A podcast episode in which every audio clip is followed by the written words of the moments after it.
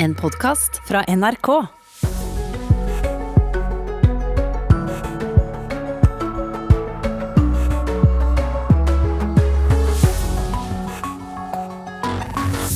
God morgen. Et halvt år etter at koronakrisen rammet Norge for alvor, mener én av fem at de fortsatt trenger avdragsfrihet på lånet sitt, ifølge Nordea. Det er særlig folk i utsatte næringer som ber om avdragsfrihet. Et norsk helseteam kom i går kveld til den greske øya Lesvos, og i dag så starter de arbeidet med å hjelpe dem som er rammet av brannen i Moria-leiren. Mer enn én av tre norske skolebarn blir kjørt av foreldrene til skolen. Mange kommuner prøver nå å få foreldrene til å la barna gå eller sykle. Det er så lett å hive ungene inn i bilen og kjøre dem til skolen, og så er de med på å lage faktisk de farlige situasjonene rundt skolen sjøl. Og Striden rundt 22.07-minnesmerket på Utøykaia er eh, slett ikke over. Naboene vil jo ikke ha dette minnesmerket i sitt eh, nærområde. Og i dag skal retten behandle spørsmålet om midlertidig stans i utbyggingen. Dette er noe av det vi skal snakke mer om her i Nyhetsmorgen eh, i dag. I studio Birger Kolsrud Jåsund og Anne Jetlund Hansen. Mange av kundene som søkte om avdragsfrihet på lånene sine i mars, søker nå om forlengelse hos norske banker. Det vil si at de bare betaler renter på boliglånet. Hos Nordea søker én av fem som fikk utsettelse i mars om forlengelse. Det forteller Randi Mariama, som er landssjef for Nordea i Norge. De vi ser som søker avdragsfrihet, er de samme som står i næringene som er ganske utsatte. Så det er ansatte innenfor hotellbransjen, ansatte innenfor reiseliv, innenfor kulturlivet, som fortsatt står i en usikker, usikker situasjon og derfor ønsker avdragsfrihet. Vi skal snakke mer om dette her etter klokka sju. Hver høst så velger mange å vaksinere seg før årets influensasesong, og det skal kanskje du også. Men i år så må kommunene tenke litt nytt, for eh, også vaksineringen mot influensa må følge disse smittevernreglene koronapandemien tvinger på oss. Tidligere år så har vaksineringen vært en ganske hyggelig sosial seanse som folk eh, faktisk fikk noe nytte av utover selve vaksinen. Det forteller kommuneoverlege i Sarpsborg, Karianne Jensegg Bergman. Det er eh, veldig trivelig å være med på disse dagene. Det er eh, mange som ikke har sett hverandre på lenge og bare treffes på influensavaksinen. Og mange treffer også kjente som de, som de da tar en kaffe med og, og en hyggelig prat med. Men mange mennesker samlet i trange lokaler med servering av kaffe og vafler. Slik blir det ikke i år. Folkehelseinstituttet har kjøpt inn 1,2 millioner doser med influensavaksine til kommuner og helseforetak. Når disse skal gis ut til utsatte grupper, må kommunene forholde seg til strenge smitteverntiltak. Vi ser bl.a. på å bruke større idrettshaller, sånn at vi kan sørge for avstand. Vi ser på mulighet for timebestilling, eventuelt eh, at noen eh, A til J eller spesielle fødselsdatoer kommer på ett tidspunkt og andre på andre tidspunkt, sånn at vi får både spredd de som kommer, eh, og at de holder avstand mens de er der. Vi er også veldig glad for alle som passer på å ta vaksinen når du er hos fastlegen din. Da blir det færre som trenger å gå på masseinfluensadagene også. Reporter her det var Heidi Gomnes. Smitten øker fortsatt her hjemme i eh, Norge. Ved midnatt var det registrert 12 eh, 276 koronasmittede personer i eh, Norge. Det er en økning på 122 nye smittetilfeller siste døgnet. Reporter Svanholm, Trine Svanholm Misje, god morgen. God morgen. Hvordan er smitten i Norge nå, hvis vi sammenligner med nabolandene våre? Ja, Smitten øker jo fremdeles her i Norge, og da gjør den òg i Sverige og i Danmark. Eh, men det er da snakk om lokale smitteutbrudd, slik som vi f.eks. ser i Bergen her, da. Mm. Og i, i, i, Sverige så er smittetallet synkende i flere regioner, mellom annet Uppsala, Gjevleborg, Blekinge, Kalmar og Øster-Jøtland. Og på Færøyene så har det vært stor nedgang i smitte, der det har vært 14,3 smitta per 100 000 innbyggere de siste to ukene. Mm. Så hva med resten av Europa? Eh, I smitte, eh, smittetallet er òg synkende i Polen, Island og eh, Liechtenstein. Mm. Skal vi gå litt inn på de nye reiserådene? Eller ikke de nye, men om det kommer nye? Ja, En kan jo spekulere i det. Et av kriterier for å fjerne innreisekarantene er at det må være færre enn 20 bekrefta tilfeller per 100 000 innbyggere de siste to ukene. Og Ifølge NRK sine brekninger så er disse landene da under denne grensa, altså Polen, Island og Liechtenstein. Polen har 19,6 smitta per innbygger eh, per 100 000 innbyggere. Eh, Island har 18,2, Færøyene har 14,3 og Liechtenstein er nede i 10,5. Men landene er fremdeles regna så røde, slik at en må i karantene i ti dager om en kommer derifra. Og Folkehelseinstituttet kommer med anbefalinger til regjeringa om hva land og regioner som bør bli røde eller gule minst hver 14. dag. Og Sist jeg kom med råd, var forrige mandag, altså for eh, litt over en siden. Så da blir det kanskje neste mandag vi får vite om vi kan dra til Liechtenstein eller ikke. Ja. ok. Trine Svan og Misje, takk for at du orienterte.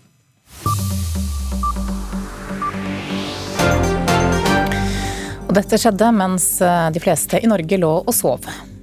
Sent i går kveld eh, stemte Underhuset i Storbritannia sin eh, foreløpige godkjenning til det omstridte lovforslaget som strider mot brexit-avtalen de allerede har inngått med EU. Og nå følger fire dager med debatt og gjennomgang av lovforslagets tekst. Og de fire dagene de sprer seg på denne og neste uke. Og etter det så blir lovforslaget endelig vedtatt eller nedstemt. Statsminister Boris Johnson sa at lovforslaget er et sikkerhetsnett mot eh, det han hevder er eh, trusler fra EU om å hindre normal handel mellom Nord-Irland og resten av Storbritannia. EU har avvist påstandene som vrøvl og bedt Johnson overholde forpliktelsene han selv fremmet i brexit-avtalen i fjor. Midnatt var det registrert en økning på var det registrert 12 276 koronasmittede personer i Norge. og Det er en økning på 122 tilfeller siste døgn. Til sammen er økningen de siste to dagene på 197 tilfeller, ifølge tallene fra det nasjonale meldesystemet for smittsomme sykdommer. Og ifølge Folkehelseinstituttet har vi nå gjennomført nesten 890 000 tester for koronavirus her i landet. 21 koronapasienter var i går innlagt ved norske sykehus. Det er fem flere enn før helgen. Tallet er det høyeste siden 9.6, viser tall fra Helsedirektoratet. Den 80 år gamle jegeren som ble meldt savnet i går kveld i området vest for Marsjok i eh, Tana, Finnmark, ble ved ett-tiden i natt funnet av frivillige letemannskaper. og Han er nå fraktet tilbake til sine jaktkamerater i området. Leteforholdene var for så vidt greie, med oppholdsvær, noe yr og seks graders varme, men det var bekmørkt, så det var ikke helt lett likevel. Jegerne ble mm, funnet, jegeren ble funnet av eh, frivillige kjentfolk som lette i området. Men det var også reinpolitiet og Røde Kors og norske redningshunder og Sivilforsvaret som var kalt inn. Og hovedredningssentralen var varslet, så det var eh, store krefter på gang. Dette får du vite mer om dersom du følger med på NRK Nyheter i dag. Israel og De forente arabiske emirater signerer en avtale om å inngå diplomatiske bånd i dag. Avtalen er meglet frem av USA, og seremonien holdes eh, derav i Det hvite hus. Og I rettssaken mot Laila Bertheussen skal Bertheussen fortsette sin forklaring i Oslo tingrett eh, i dag. Oslo-politiet skal også legge frem kriminaltekniske undersøkelser. Kripos skal legge frem laboratorieundersøkelser. Rettssaken den varer frem til 13. november. Den greske regjeringen eh, anklager migranter for å bevisst ha brent ned Moria-leiren på Lesvos i forrige uke. Nesten 13 000 mennesker mistet de midlertidige hjemmene sine da leiren brant ned for en uke siden. De siste dagene har det vært konfrontasjoner mellom migranter og lokalbefolkningen, og før helgen sendte greske myndigheter busslaster med opprørspoliti for å hindre at situasjonen skulle eskalere ytterligere. Alexander Slatanos Ibsen, utenrikspolitisk rådgiver i Høyre og spaltist i Morgenbladet. Velkommen til Nyhetsmorgen. Takk skal du ha. Du er halvt eh, gresk, eh, har besøkt Lesvos en rekke ganger og har jevnlig kontakt med folk som bor der. Hva sier folk du kjenner på Lesvos om situasjonen på øya i øyeblikket? De er jo først og fremst fortvilte over situasjonen som den er nå, hvor den er veldig akutt, og egentlig hvordan den har vært en eh, stund tilbake. Eh, det er ikke nytt for, eh, for Lederfoss å være eh, en slags ankomstplass for de fleste av migranter og flyktninger på vei til Europa. Som en derfra kalte det, så har de vært en slags ufrivillig Ellis Island lenge. Sånn som det er nå, så er jo situasjonen prekær. Tidligere har flyktning- og migrasjonsspørsmål splittet kanskje folk på øya litt mer enn nå, hvor man er enige om at situasjonen er ikke bærekraftig. Sånn som det er akkurat nå. Det er hvordan de opplever det. Mm. Hva er det som har gjort det så betent? Tidligere så vel Noe av skal vi si, dynamikken som har vært på øya, har jo vært det at man Eh, har tapt store inntekter fra turisme. Eh, mistet noe av eh, tryggheten i hverdagen. Hverdagslivet og, og sikkerheten har blitt forverret, vil mange si. Og det er ikke rart hvis man tenker på at øya er jo stor, men den er jo ikke enorm og uten grense. Den er 90 000 mennesker omtrent, og så har de hatt det største antallet flyktninger over lang tid. Flyktninger og migranter som har vært stadig mer frustrerte. Og på det hele så føler de at de eh, noen som sagt, til spørsmålet har de jo med å splitte folk. Noen har vært engasjert seg selv i frivillig arbeid, eh, og andre har opplevd at eh, andre kommer inn og, og bidrar egentlig til å gjøre at flere kommer og slike ting, da, ved at man jobber som frivillig. Eller. Så det har også vært en type konflikt lokalt der. Men hva, hva fører denne splittelsen til da, blant lokalbefolkningen? I dagliglivet eller i, i det som skjer på øya? Akkurat nå tror jeg ikke den splittelsen er så veldig tydelig. Jeg tror alle er ganske enige om at akkurat sånn som det er per i dag, så er ikke situasjonen holdbar. Og så er det ikke så lett å få gjort noe med det. Greske myndigheter eh, bak sier at de kommer ikke til å flytte på flyktningene fordi eh, det kommer som et etterspill av en brann som de selv hevder er sterke tegn på at de har påsatt selv. Og Det vil være et, et incitament for at flere leirer på disse østlige greske øyene vil brenne og det vil de ikke oppmuntre til. Mens befolkningen selv de ønsker jo å få bukt med denne situasjonen som både flyktninger og lokalbefolkning er på et vis satt i. Mm. Hva ser de du snakker med på Lesvos, hva ser de for seg som, en, som mulige løsninger her? Det, ikke, det, har ikke vært så tydelig for meg. De ønsker jo ikke at leirene skal opp igjen og bygges det en ny en, eh, som eh, skal huse noen tusen eh, mennesker. Den er mer provisorisk, så den vil ikke kunne ta alle. Så på en eller annen måte en slags forflytning av folk vekk fra øya er jo det som kanskje går igjen fra de som er derfra. Men så har du et perspektiv som ikke alltid er helt likt, som er det fra greske myndigheter. Så det er en intern uenighet om hva som er det beste på lang sikt. Også. Mm. Så ser vi at Moria-leiren har jo skapt enormt engasjement, ikke bare på Lesvos, men, men også andre steder i verden. Mm. Hva har denne leiren ført til? Jeg tror den har, den, den har, vært der såpass lenge. Og situasjonen der har vært uh, helt fortvilt for også beboerne over lang tid. Og dette har etter hvert blitt uh, tydelig for alle. Så det er ikke rart at den har blitt et bilde på en Det at den har vært der lenge, og det at forholdene bare har blitt uh, verre, tror jeg har gjort at den har blitt et slags symbol på, på et dypere problem også. Så har det oppstått en del sinne mot disse organisasjonene som også holder til der. Hvorfor det? det er, det er de som har rettet et slikt sinne. Eh, for, for, det er ikke alle, men det har vært en del kan vi forstå da, fra, av lokalbefolkningen. har vært det at Dette bidrar egentlig bare til at flere vil komme. Det er jo det enkle argumentet for hvorfor de har eh, ytret mishag med det. Mm. Det er jo bare ett bilde som blir vist, mener mange. Hva slags bilde av Hellas og flyktningeproblematikken er det som blir vist frem? Ja, Bildet som blir vist frem, jeg tror noe av dette går med hvor akutt og hvor nært du er på situasjonen også. Sånn at Hvis vi ser det fra Nord-Europa, så vil dette her veldig lett fortegne seg som eh, en humanitær prekær situasjon. Det vil jo også grekere og også innbyggerne på Lesvos være helt enig i at det er. Men med greske øyne så er det også noe litt mer. Det inngår i tre kriser som kommer samtidig.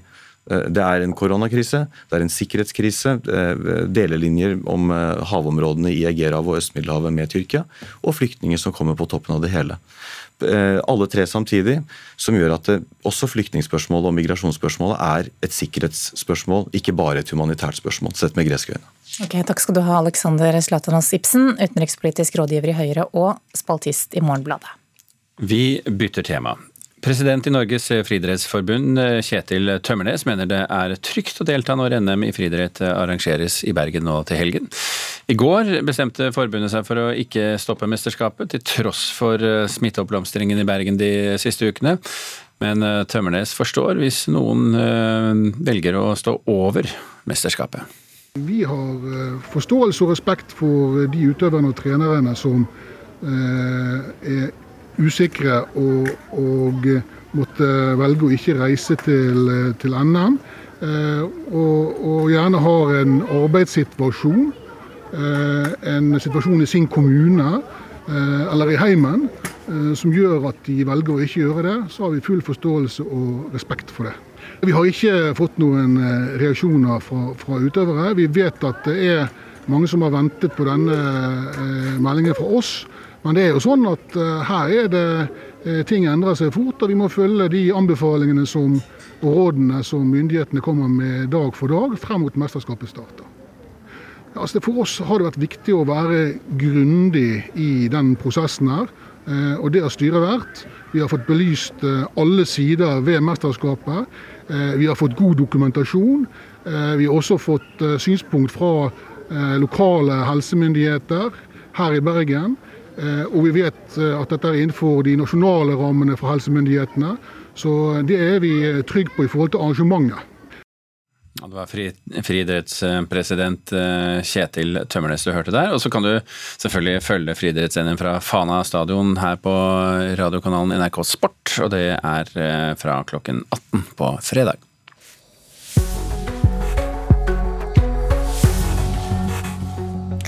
6.46 er klokka blitt. Du lytter til Nyhetsmorgen, og dette er hovedsakene våre. Flere av kundene som søkte om avdragsfrihet på lånene sine i mars, ber nå om forlengelse av denne avdragsfriheten. Det har vært en økning på 122 nye tilfeller av koronasmitte i Norge det siste døgnet. Til sammen er det nå registrert 12 276 tilfeller i Norge, ifølge Folkehelseinstituttet. Omkring halvparten av unge mellom 13 og 18 år sier at de får reklame for produkter som skal eh, enten gi dem større muskler eller virke slankende. Det har vi tenkt til å snakke mer om om ikke mange minuttene. Men aller først skal vi snakke om eh, det som har blitt en føljetong, nemlig striden rundt det nasjonale 22. juli-minnestedet på Utøykaia. Flere av naboene ønsker som kjent ikke å ha dette minnestedet der. Noen av dem sier at de blir syke av å bli minnet om terrorangrepet. I dag starter Ringerike tingrett behandlingen av kravet om at byggingen utsettes frem til søksmålet mot staten behandles av retten i desember. Det er viktig å få stanset byggearbeidet så fort som mulig, forteller advokaten deres Ole Hauge Bendiksen. Eh, Arbeidene eh, er en stor belastning for naboene. Og som også uttalt i den rapporten, den psykiske, eh, psykiatriske rapporten som nå har tilkommet, så representerer vi også skadevirkninger på naboene. Planleggingen av det nasjonale minnestedet ved Utøya etter 22.07-terroren har pågått i mange år. Meningen er at det skal stå klart til tiårsmarkeringen neste sommer. Det skal bestå av 77 smale bronsesøyler, som skal symbolisere hver av dem som ble drept på Utøya og i regjeringskvartalet. Det er staten og AUF som er grunneiere der minnestedet er planlagt, og derfor er begge stevnet av naboene. For naboene vil ikke ha minnested der. De sier at de blir syke av å ha det så nært innpå seg, og at det vil vekke minner om det som skjedde denne fredagen i juli 2011. Mange av dem var selv med og reddet ungdommer denne kvelden. Naboene anerkjenner behovet til de etterlatte og til de overlevende. Og for nasjonen om å ha et slikt minnested, men vær så snill, plasser et annet sted. Og Bakgrunnen for dette det er at mange av naboene er redningsmenn og redningskvinner som allerede er dypt traumatiserte, og som har behov for å gå videre i sitt liv. Dette minnestedet gir ikke anledning til det. For AUF og mange pårørende er det viktig å få det nasjonale minnestedet på plass til tiårsmarkeringen i juli neste år. Det er viktig for dem å kunne legge det som skjedde bak seg, sier AUFs advokat Pål Martin Sand. Stans i byggearbeidene vil jo medføre at eh, prosessen rundt etableringen av det nasjonale minnestedet tar enda lengre tid. Eh, for AUF så er det viktig nå å avslutte denne prosessen etablere minnestedet, og så eh, kan, kan, man gå videre. Det er viktig både for Norge som nasjon, og det er viktig ikke minst for de etterlatte og de overlevende og andre pårørende etter terrorangrepet 22.07. I begynnelsen av august startet Statsbygg arbeidet med å bygge minnestedet. Hvis naboene får medhold for sitt krav i denne tvistesaken, må alle maskiner og alt arbeid stanses på tomta ved Utøykaia. Anders Wilhelmsen hos regjeringsadvokaten representerer staten. Og uansett hvor lang tid det tar innenfor det tidsperspektivet, så vil da minnestedet ikke stå ferdig til tiårsmarkeringen neste sommer. Hvis disse arbeidene nå må utsettes, så øh, vil jeg jo tro at hele dette prosjektet blir dyrere enn man først hadde øh, tenkt. Det er blitt sagt at øh, staten kan komme til å da kreve en økonomisk kompensasjon fra naboene. Ja, altså det som står i loven er at dersom det viser seg at en midlertidig forføyning var uberettiget, så kan den som krevde forføyningen holdes ansvarlig for kostnadene. Og Det forholder staten seg til.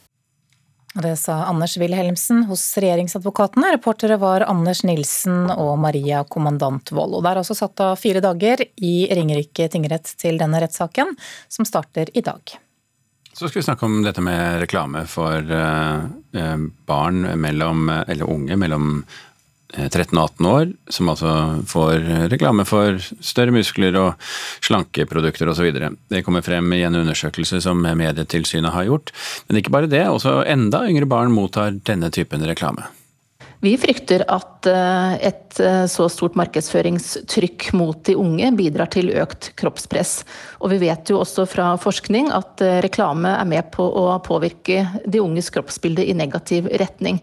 Direktør i Medietilsynet Mari Velsand forteller at dybdeintervjuer de har gjort med unge mellom 13 og 18, også forteller at markedsføringstrykket er stort når det gjelder reklame som går på utseende. Dette er jo alvorlig, og derfor er det viktig å diskutere hva som kan gjøres for å redusere denne type press. Jorunn Sundgodt Borgen er professor og spesialist på spiseforstyrrelser og vektproblemer. Hun sier at reklame for slankemidler og muskelforstørrende produkter virker på mange unge. Det forvrenger jo virkeligheten til eh, disse ungene, og noen er jo enda mer sårbare enn andre.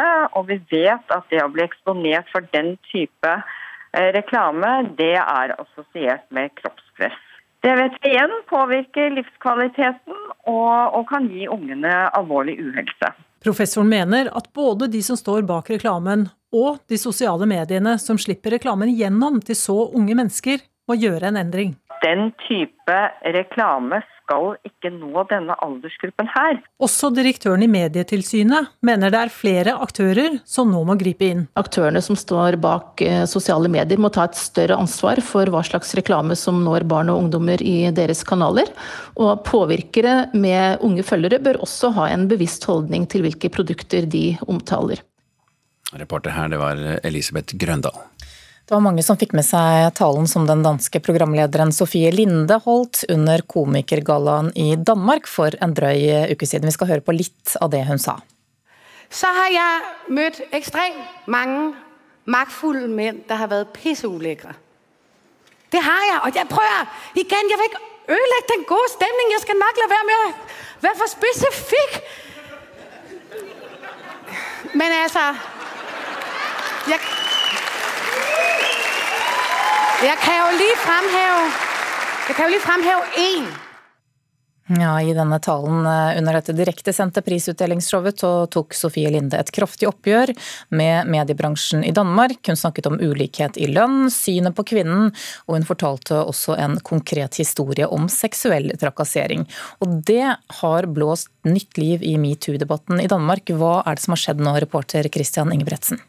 Nå har over 1600 kvinner i dansk mediebransje skrevet under på et felles brev som støtter Linde. I brevet slår samtlige kvinner fast at de har opplevd det de beskriver som sexisme eller seksuell trakassering i mediebransjen i Danmark. Og Det er den danske, politi den danske avisen Politikken som skriver om dette, og som også har trykk pakka hele brevet i sin helhet med navnene på alle kvinnene. Mm. Har det fått noen konsekvenser, denne talen til Linde, utover dette? Kulturminister i Danmark har i hvert fall krevd å få vite om det er lønnsforskjell mellom kvinner og menn, hva de tjener, og har bedt eh, om å få den informasjonen fra bl.a. Danmarks Radio og TV 2 i Danmark.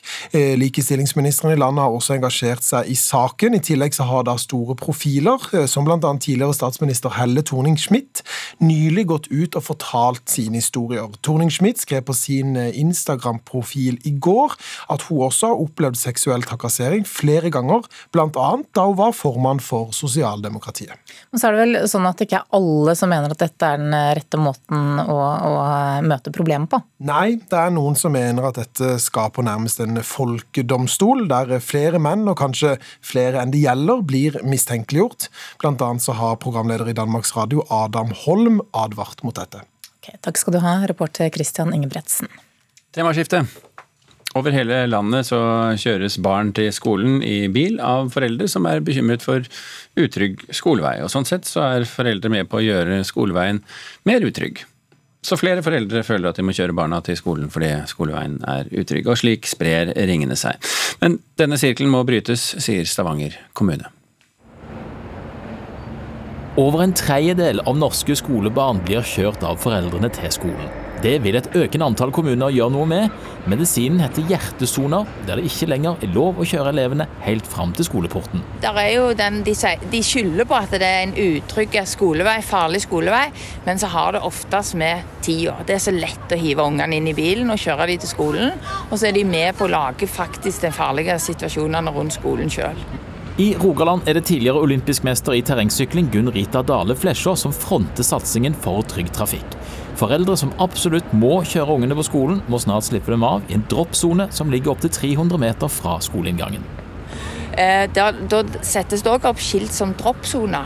Eh, men da må vi ikke misforstå at da legger vi til rette for at nå kan vi kjøre, faktisk. Det er heller motsatt. Det er beskjeden til foreldre.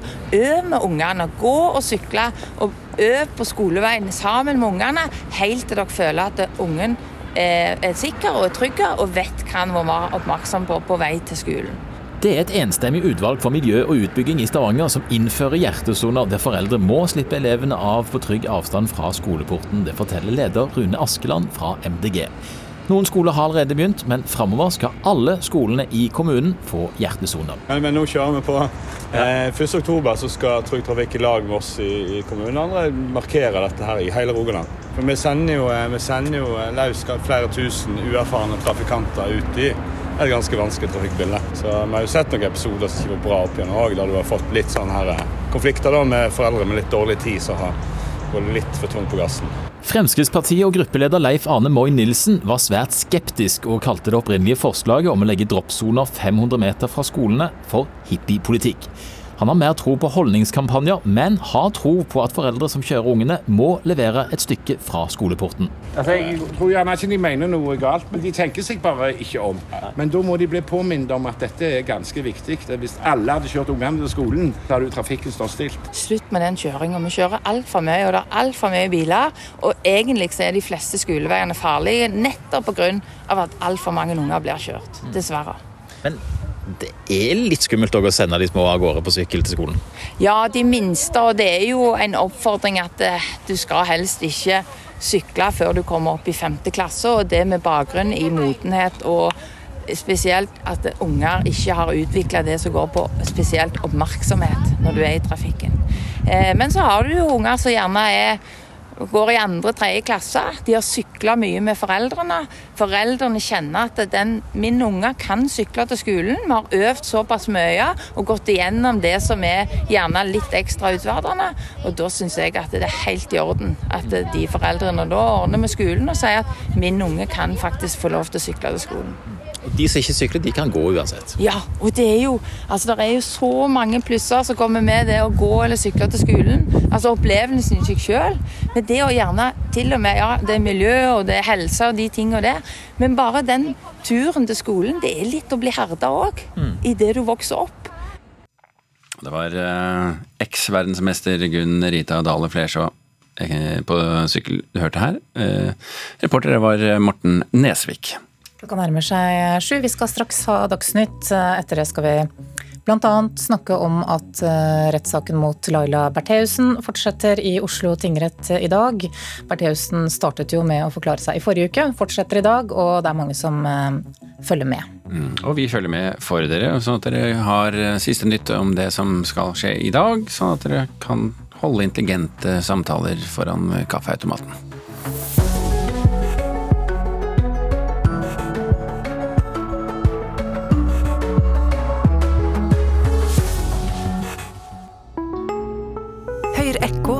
NRK P2. Det er høst og tid for å klargjøre hagen og å gå på sopptur. Og det er tid for forgiftninger. Ekkos spørretime om giftige vekster. Du finner det i hagen, i potta eller i skogen. Vi har ekspertene, du har spørsmålene, og du sender de til ekko.nrk.no. Ekko i NRK P2.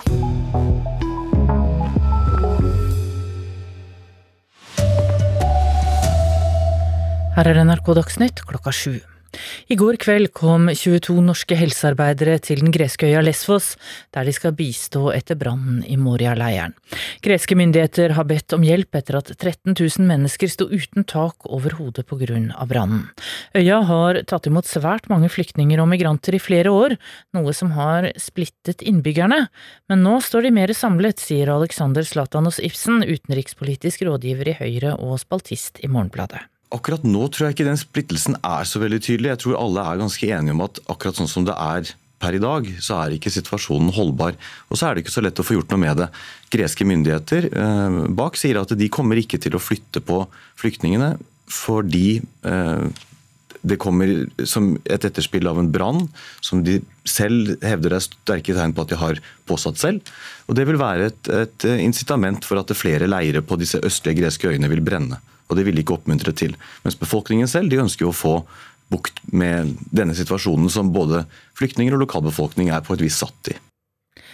Ferjeselskapet Fjordline vurderer å permittere flere av sine rundt 700 ansatte. Ledelsen diskuterte kostnadskutt i selskapet i går, og de neste dagene blir omfanget av permitteringen klart. Fjordline har fortsatt daglige avganger til Danmark fra Bergen, Stavanger og Langesund, til tross for reiserestriksjonene, skriver E24. Ved midnatt var det registrert 122 nye tilfeller av koronasmitte i Norge. Til sammen er det nå 12 276 tilfeller her i landet. Omkring halvparten av alle unge mellom 13 og 18 sier de får reklame for produkter som skal gi større muskler, eller som skal virke slankende. Det kommer frem i en undersøkelse fra Medietilsynet. Også enda yngre barn får denne typen reklame. Vi frykter at eh, et eh, så stort markedsføringstrykk mot de unge bidrar til økt kroppspress. Og vi vet jo også fra forskning at eh, reklame er med på å påvirke de unges kroppsbilde i negativ retning. Direktør i Medietilsynet Mari Velsand forteller at dybdeintervjuer de har gjort med unge mellom 13 og 18, også forteller at markedsføringstrykket er stort når det gjelder reklame som går på utseende. Dette er jo alvorlig, og derfor er det viktig å diskutere hva som kan gjøres for å redusere denne type press. Jorunn Sundgodt Borgen er professor og spesialist på spiseforstyrrelser og vektproblemer. Hun sier at reklame for slankemidler og muskelforstørrende produkter virker på mange unge. Det forvrenger jo virkeligheten til eh, disse ungene, og noen er jo enda mer sårbare enn andre. Og vi vet at det å bli eksponert for den type eh, reklame, det er assosiert med kroppspress. Reporter her var Elisabeth Grøndal. NRK Dagsnytt, Tone Nordahl.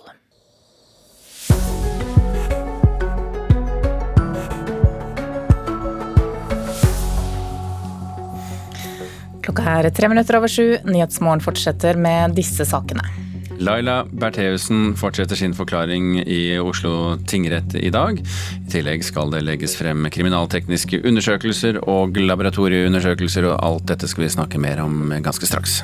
Et norsk helseteam kom i går kveld til den greske øya Lesvos. I dag starter de arbeidet sitt med å hjelpe dem som er rammet av brannen i Moria-leiren.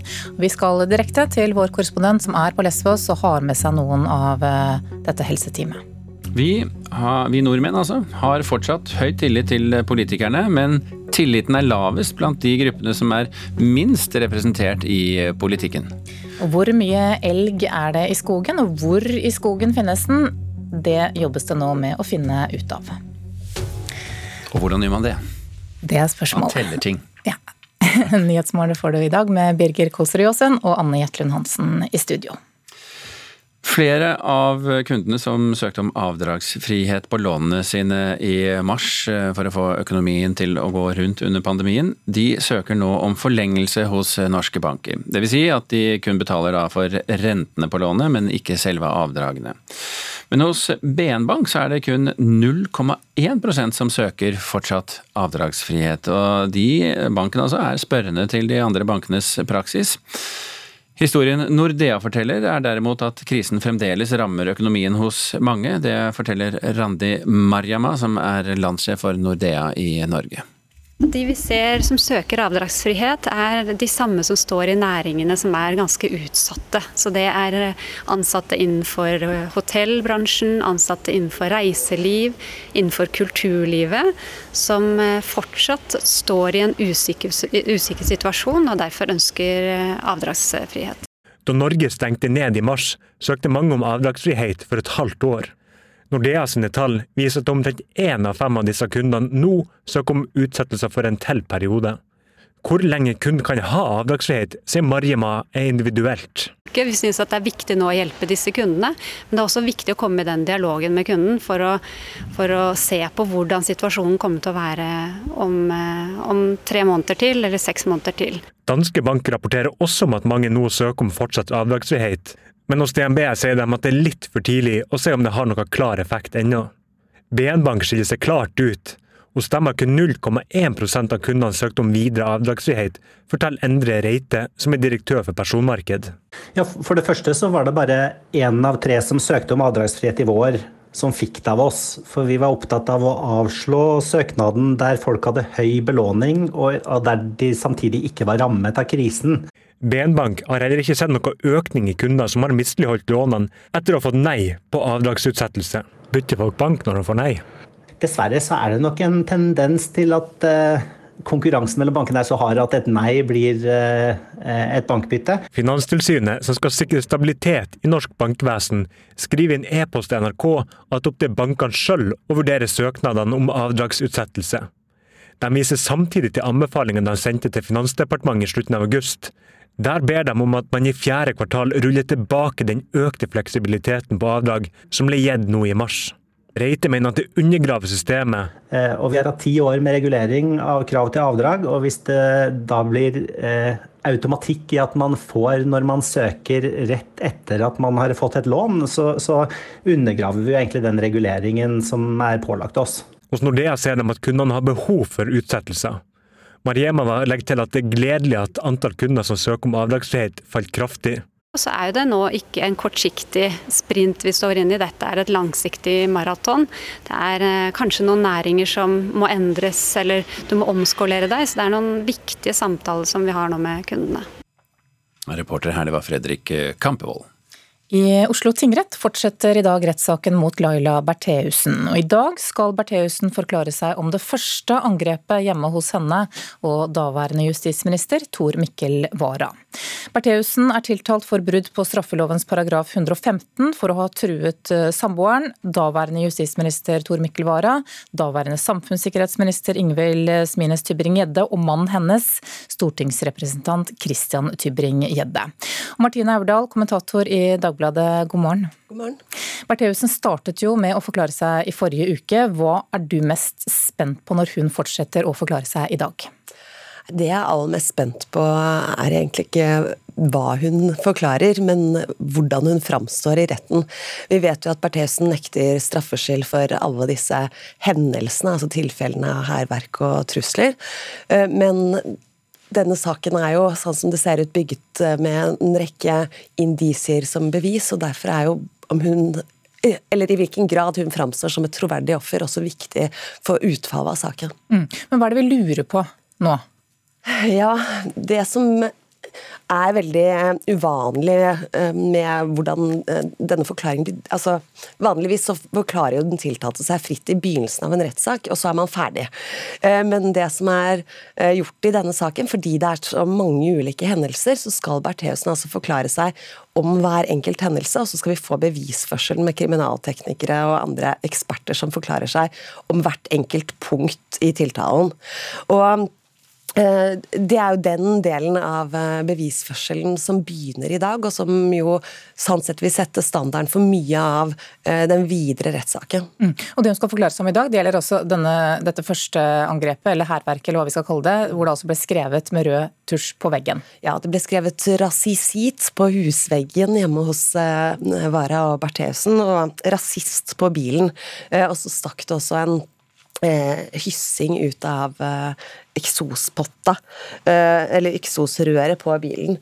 Eh, og Politiet mener jo at eh, Bertheussen har, gjort dette selv. Eh, etter at hun har forklart seg, så skal hun jo både spørres ut av aktoratet og av sine forsvarere.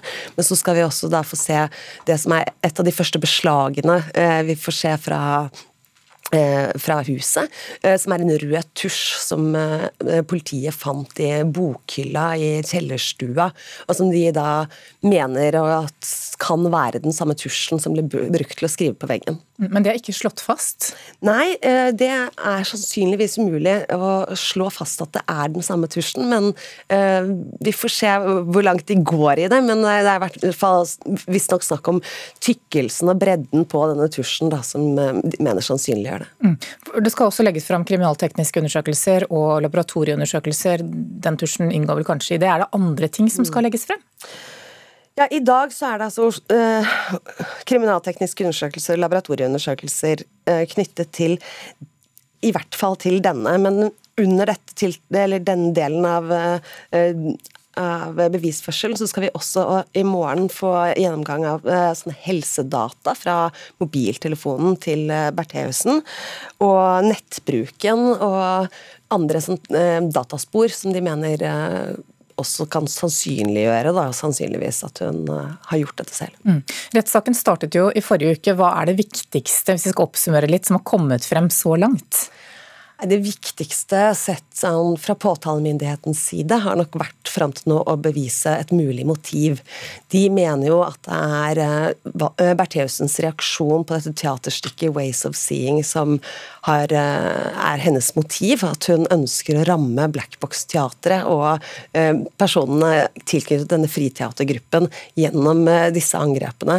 Og vi fikk jo i hvert fall illustrert at Bertheussen ikke bare var eh, rasende på teatret, det har vi jo lest i VG-kronikken som hun skrev selv, men at hun også Eh, gikk til mange ulike steg for å forsøke å ramme teatret. Hun ringte rundt til de ulike eh, økonomiske sponsorene og eh, støttespillerne for å forsøke å ramme dem økonomisk. Hun, hun skrev også to prosjektbeskrivelser til verk til høstutstillingen som skulle problematisere dette teaterstykket.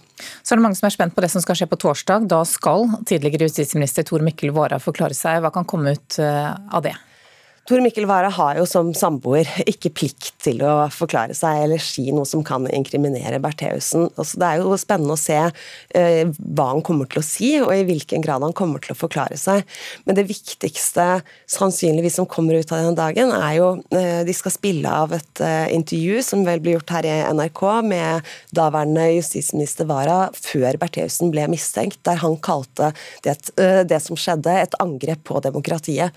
Det er jo en form formulering hentet fra lovboka på det mest alvorlige tiltalepunktet mot Bertheussen, nettopp fordi hun har angrepet personer av Stortinget og regjering, som er altså de høyeste statsinstitusjoner i lovboka. Og vi vet jo at hennes forsvarer Jon Christian Elden ønsker å prosedere på at dette er feil lovanvendelse, eh, og derfor kan de altså bruke Varas ord rett og slett mot Bertheussen. Okay, og det skjer altså på torsdag. I dag skal eh, Bertheussen selv forklare seg. Takk skal du ha, Martine Aurdal, kommentator i Dagbladet, og vi følger selvfølgelig denne rettssaken her i NRK utover dagen. Tilliten til eh, politikerne våre er kanskje ikke overraskende, lavest blant de som er minst representert i eh, politikken. En ny rapport viser at politikere ofte har eh, høyere sosial status og utdanning, og sånn sett så gjenspeiler de bare en del av folket. Ifølge SV har de fleste partier en lang vei å gå for å sikre mangfold og for å øke tilliten. Ettersom jeg så hvordan nominasjonsprosessen utvikla seg, så fant jeg ut at det var mest riktig at jeg ikke stilte meg til disposisjon, men at den plassen heller kunne gå til en dyktig minoritetskandidat. Solveig Skaugvoll Foss var inntil nylig andrekandidat for Oslo SV til Stortinget. Men for noen uker siden trakk hun seg som kandidat. Altså, det er jo hele poenget med demokratiet, eh, egentlig. At eh, alle typer folk skal være representert der beslutninger tas. Og når vi ser at det gang på gang, år etter år, har vært en så konsekvent underrepresentasjon av eh, mange grupper, men spesielt eh, folk med etnisk minoritetsbakgrunn, så behøves det å, å gi mer plass eh, til de gruppene. Det at Skaugvoll Foss trakk seg av Marian Hussein, er nesten sikker plass til Stortinget. For at noen skal kunne ta makt og ta rom, så er det jo noen som må ta et steg tilbake og være villig til å på en måte gi fra seg makt. En ny rapport fra Institutt for samfunnsforskning viser at handlinger som dette trengs. For selv om tilliten til politikere er høy i Norge, synker tilliten blant de som deltar aller minst. Signe Boksegård, som er ansvarlig for rapporten, sier at det er den samme gruppa som har høyest tillit til politikerne, som er mest representert. Det er høyt utdannet, det er middelaldrende, det er dem som bruker deres stemme i politiske prosesser generelt.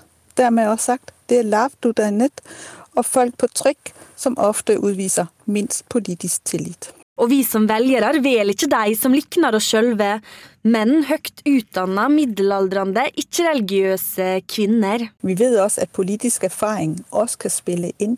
Og det er klart at øh, dem som har politisk erfaring, det er kanskje en bestemt type eh, kandidater. Som så også har det fellestrekk at de har litt høyere sosioøkonomisk status enn noen grupper av velgerne. Politikerne må bli bedre på å speile samfunnet og ta ansvar for å bedre tilliten.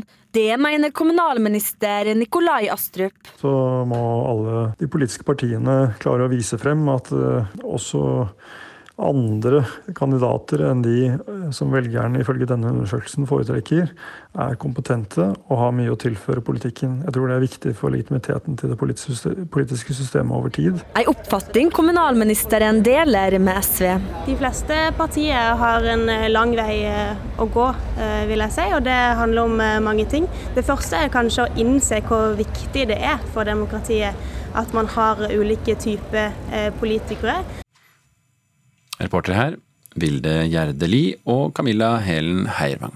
I Politisk kvarter om en eh, liten halvtime så skal vi snakke om to partier som håper på å få velgernes eh, tillit. Programleder Bjørn Myklebust. Absolutt. Eh, Høyres landsmøte er nettopp over, som alle har fått med seg. I dag er det landsstyremøte i Arbeiderpartiet som kanskje ikke alle visste. Og så er det nesten nøyaktig ett år til stortingsvalget. Dette er de to store partiene, statsministerpartiene, som er hovedmotstandere i norsk politikk og vil være det. Men de har blitt anklaget for å være for like, at det er for vanskelig for velgerne å se forskjell på dem. Men er det i ferd med å endres? Jeg får besøk av en som protesterer mot fremstillingen av de to som veldig like, og to som ikke er helt enig med han fra litt ulikt ståsted. Kvart på åtte. Politisk kvarter, god sending, Bjørn Myklebust.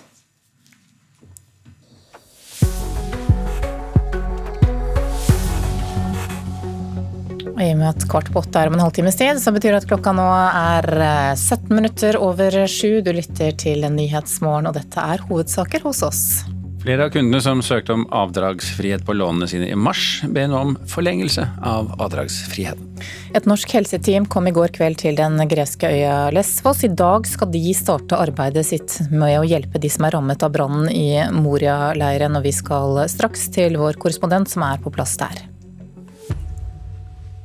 Men aller først til Italia. Ja, fordi aldri før har en skolestart betydd så mye for å markere en ny start for et helt land.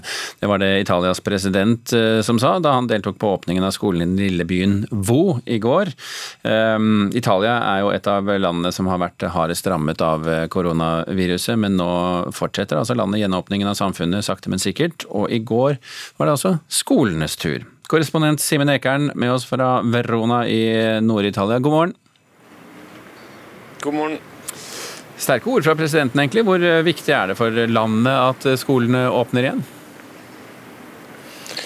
Jeg tror det er enormt eh, viktig. Det har jo vært sånn under hele eh, pandemien at mange har følt at barna har, eh, blitt, har kommet i andre rekke helt fra starten av, da, da det ikke fantes noen regler selv for små barn som, som, skulle gjøre dem i stand til å gå ut i det hele tatt. Mens det var lov å lufte hunder, var det ikke lov å ta med små barn og leke. Og dette har fortsatt gjennom hele sommeren. Mange har følt at dette med skolestart var noe regjeringen hadde ventet for lenge med, det hadde planlagt for dårlig. og når det endelig da kommer i gang, så, så var det faktisk en ganske rørt president jeg så i går på, på, på talen i den lille byen Vå, som da var den første som stengte skolene sine allerede i slutten av februar. Hvordan eh, ble åpningen markert der? Ja, det var eh, jo en stor dag for den eh, lille byen som i mange tilfeller, eh, for, for, hvert fall veldig mange av de vi snakket med, føler jo at de har levd i et slags eksperiment. Så det at eh, statsministeren kom dit først, eh, nei, presidenten kom dit først, var han til stede på byens skole. da, Så var det et stort arrangement på plassen foran rådhuset. Utdanningsministeren var også til stede, og en rekke andre viktige politikere, selvfølgelig. Og, en masse da av, av Vås befolkning, som jo befinner seg i den situasjonen at de bor et sted som inntil for bare bare et halvt år siden var en, en søvnig plass ikke så mange i Italia har visst om. Og, og nå har det blitt selve symbolet på kampen mot eh, koronakrisen. Ja, hvordan ble det et symbol, egentlig? Ja, det er en eh, epidemiolog på universitetet i Padova og en eh, handlekraftig guvernør antagelig, som, som, skal dele æren for det. Det som skjedde var at De stengte ned den lille byen veldig raskt med militære veisperringer utenfor. og Så igangsatte de testing av alle mennesker som bodde i eh, Vå. Og de har gått gjennom flere eh, tester alle sammen, og det gjorde det mulig å isolere viruset. Mange mener også at det Eh, førte til at man har eh, sett relativt få dødsfall i hele Veneto-området eh, sammenlignet med Lombardia, Lombardia, som jo ligger rett her borte, men som, som, var mye mer alvorlig rammet. Så den strategien har jo på en måte blitt en suksessformel. Man tester alle, man isolerer de sårbare, og man setter de som er syke i, i karantene. Så med den strategien så har de laget en suksesshistorie som også virker inn nå politisk fram mot regionalvalget som skal være her i Italia til helgen. Kan du ta en eh, liten kort oppsummering om hvordan eh, smittesituasjonen er i Italia før vi gir oss, eh, er du snill? Omtrent 1000 nye tilfeller i går. Nå har det holdt seg stabilt veldig lenge. og Italia har jo også hele, på hele senhøsten da, foreløpig iallfall klart seg mye bedre enn enn Spania eller, eller eh, Frankrike f.eks. Så det er en viss optimisme å spore, syns jeg, i Italia. Man har et håp om at dette landet har vært gjennom det verste, og at man nå i, faktisk da er i ferd med å, å, begynne på en ny start, som, som, presidenten sa i talen sin i går. Ja, Så får vi trekke konklusjonen etter eh, åpningen og hvordan det går etter hvert. Simen Ekern, korrespondent i Italia, takk for at du var med oss. Fra Italia skal vi videre til Hellas og til øya Lesvos, der nesten 13 000 mennesker mistet de midlertidige hjemmene sine da Moria-leiren brant ned for en uke siden. Bildene fra brannen og bilder av barn som har måttet sove rett på asfalten, har festet seg på netthinnen til mange, også her i Norge. Og I går kveld kom et norsk helseteam på 22 mennesker til Lesvos for å bidra i hjelpearbeidet. Europakorrespondent Roger Sevrin Bruland, du er også på plass på Lesvos. Hva konkret er det det norske teamet skal gjøre? Ja, eh, det norske teamet kom jo i går kveld, og i dag er jo første arbeidsdagen. Og jeg har jo med meg noen representanter. Vi har jo eh, Morten Harangen. Eh, hva blir det viktigste gjøremålet i dag, den, den første dagen på Lesvos?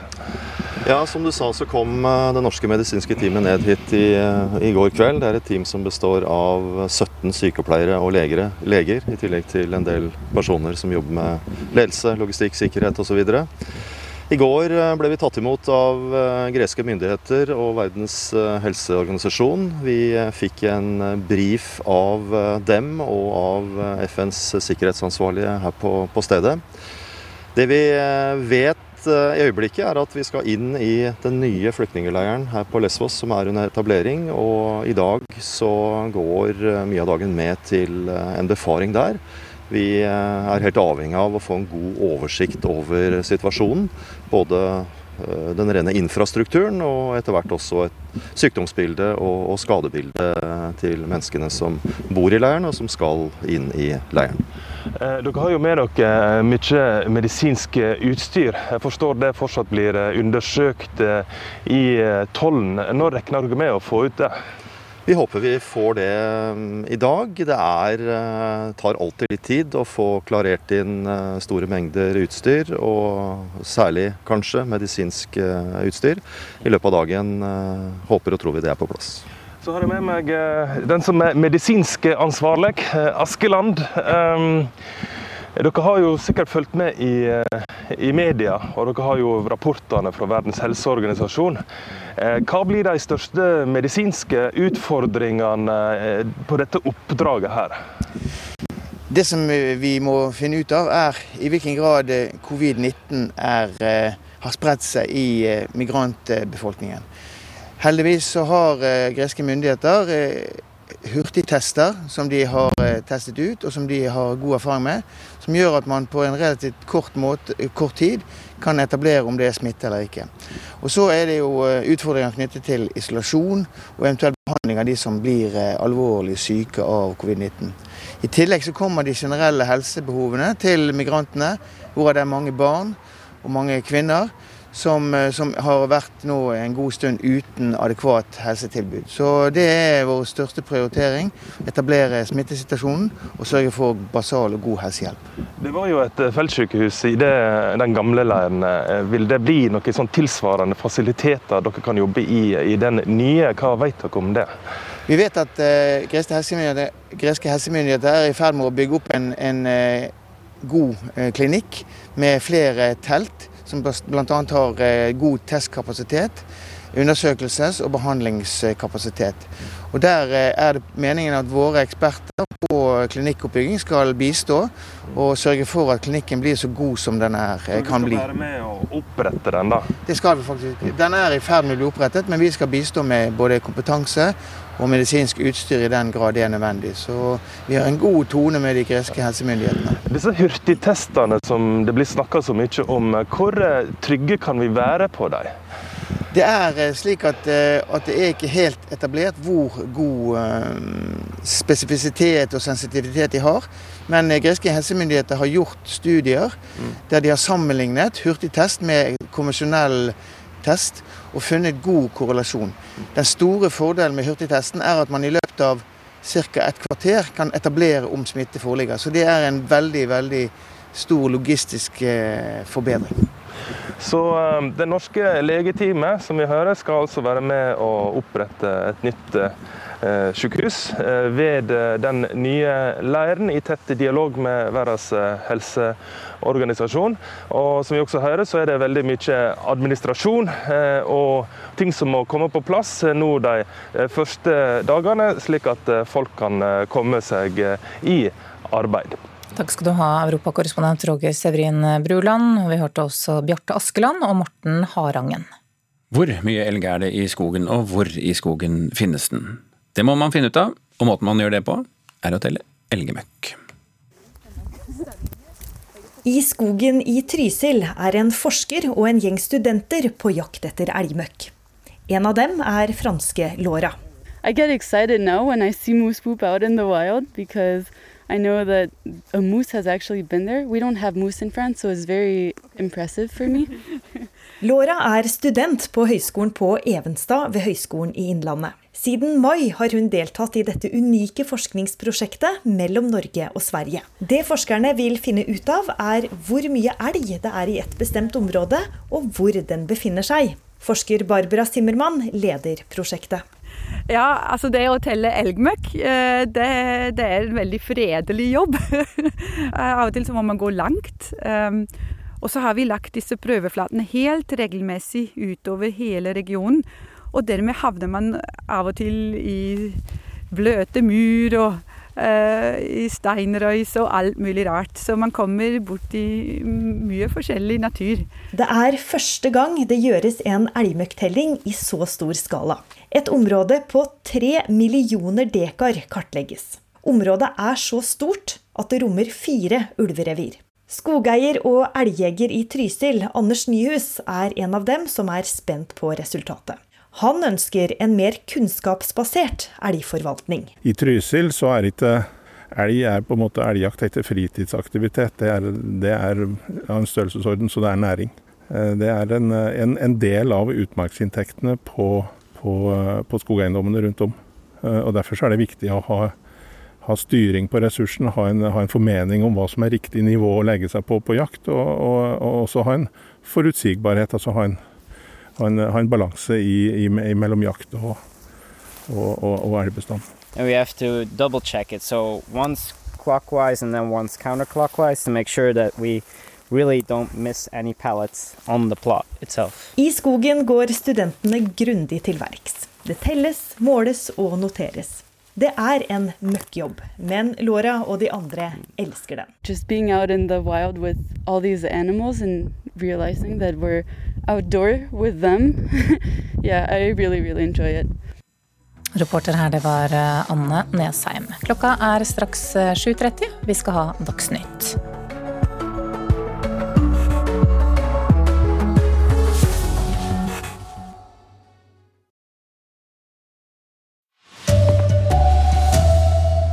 Norske helsearbeidere har kommet til Lesvos for å bidra etter brannen i Moria.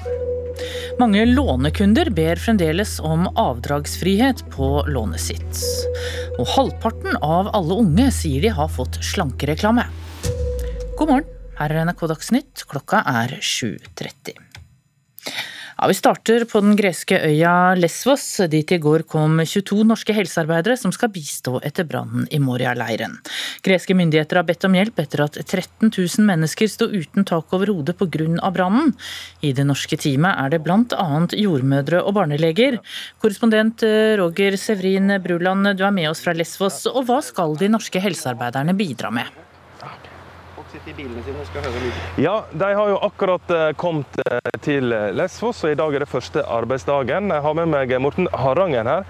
Hva blir nå eh, første steg for å komme seg i full drift? Dette DSB-ledede teamet kom som du sier, til Lesvos i går. Der ble vi tatt imot eh, på en uh, fin måte. Og Noe som skjer i dag? Fin måte av greske myndigheter. Det som skjer i dag, er at vi skal befare leiren hvor vi skal jobbe. Den nye flyktningleiren som er under etablering her på Lesvos. Og jeg har med meg også medisinsk ansvarlig Askeland. Hva er nå, eh, Dere skal opprette et, eh, være med å opprette et nytt feltsykehus i den nye leiren.